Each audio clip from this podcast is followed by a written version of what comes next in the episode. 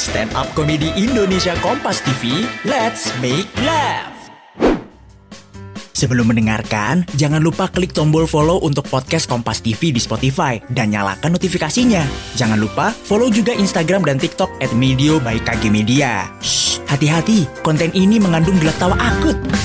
Cari hiburan edukatif buat anak? Dengerin aja podcast dongeng pilihan orang tua di Spotify. Assalamualaikum warahmatullahi wabarakatuh. Selamat malam Balai Kartini. Puasa. Buat anak kosan mah puasa udah hal yang biasa. Udah nggak ada tantangannya.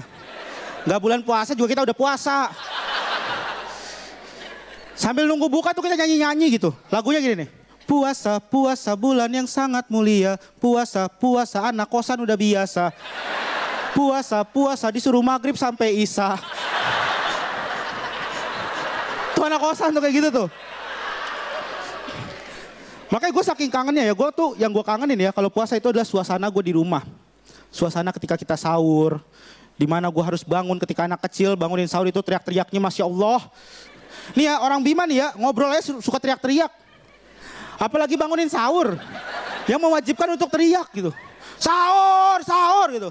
Sampai Jakarta juga kedengeran tuh suaranya. Makanya jangan kaget jam satu nih siapa yang bangunin sahur orang Bima tuh. Kecepatan sejam. Dan gue tuh kangen banget sama suasana di rumah di mana adik gue kalau nggak puasa gitu. Dia tuh uh makan seenaknya. Yang paling nyebelin kalau misalkan dia udah makan mie goreng, ya Allah.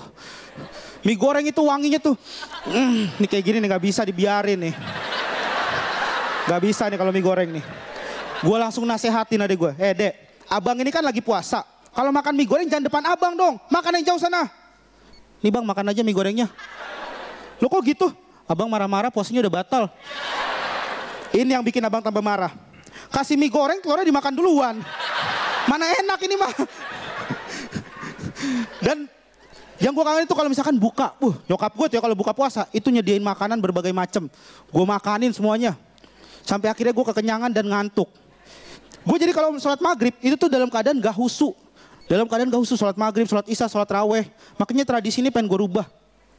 Jadi ketika gue berkeluarga, itu anak-anak gue kalau misalkan ajan maghrib gue kasih air putih doang. Abis sholat maghrib baru gue kasih kolak. Makan nasinya ntar pas sahur. Biar irit, biar keluarga gue kaya sekali.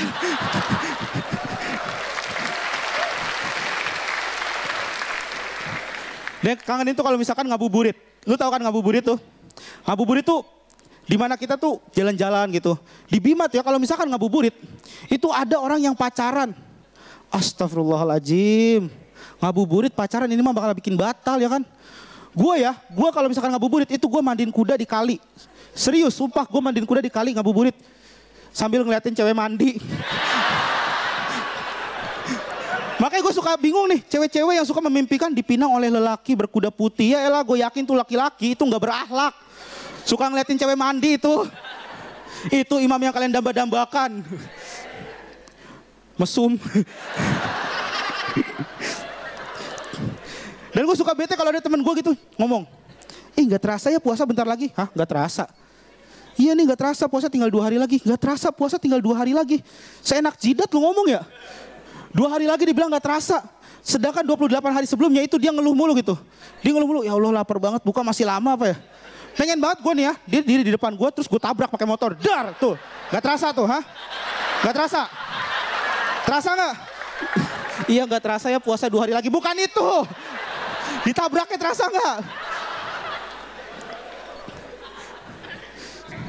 Dan biasanya dia kalau misalkan puasa itu kita yang namanya suka suka mudik gitu, suka mudik, suka pulang gitu kan. Dan gue tuh kadang suka bingung aja tuh kalau misalkan ada orang mudik gitu, ada orang mudik jalan gitu. Ini kan enak ya kalau mudik zaman sekarang tuh enak. Kalau zaman dulu gimana mudik? Gitu kan? Mudik zaman dulu nih, nggak ada telepon, nggak ada apa-apa. Pergi pulang mudik, set, nyampe kampung rumahnya kosong. Loh ini orang-orang pada ke mana? Liburan ke Jakarta, lah ngapain gue mudik gitu?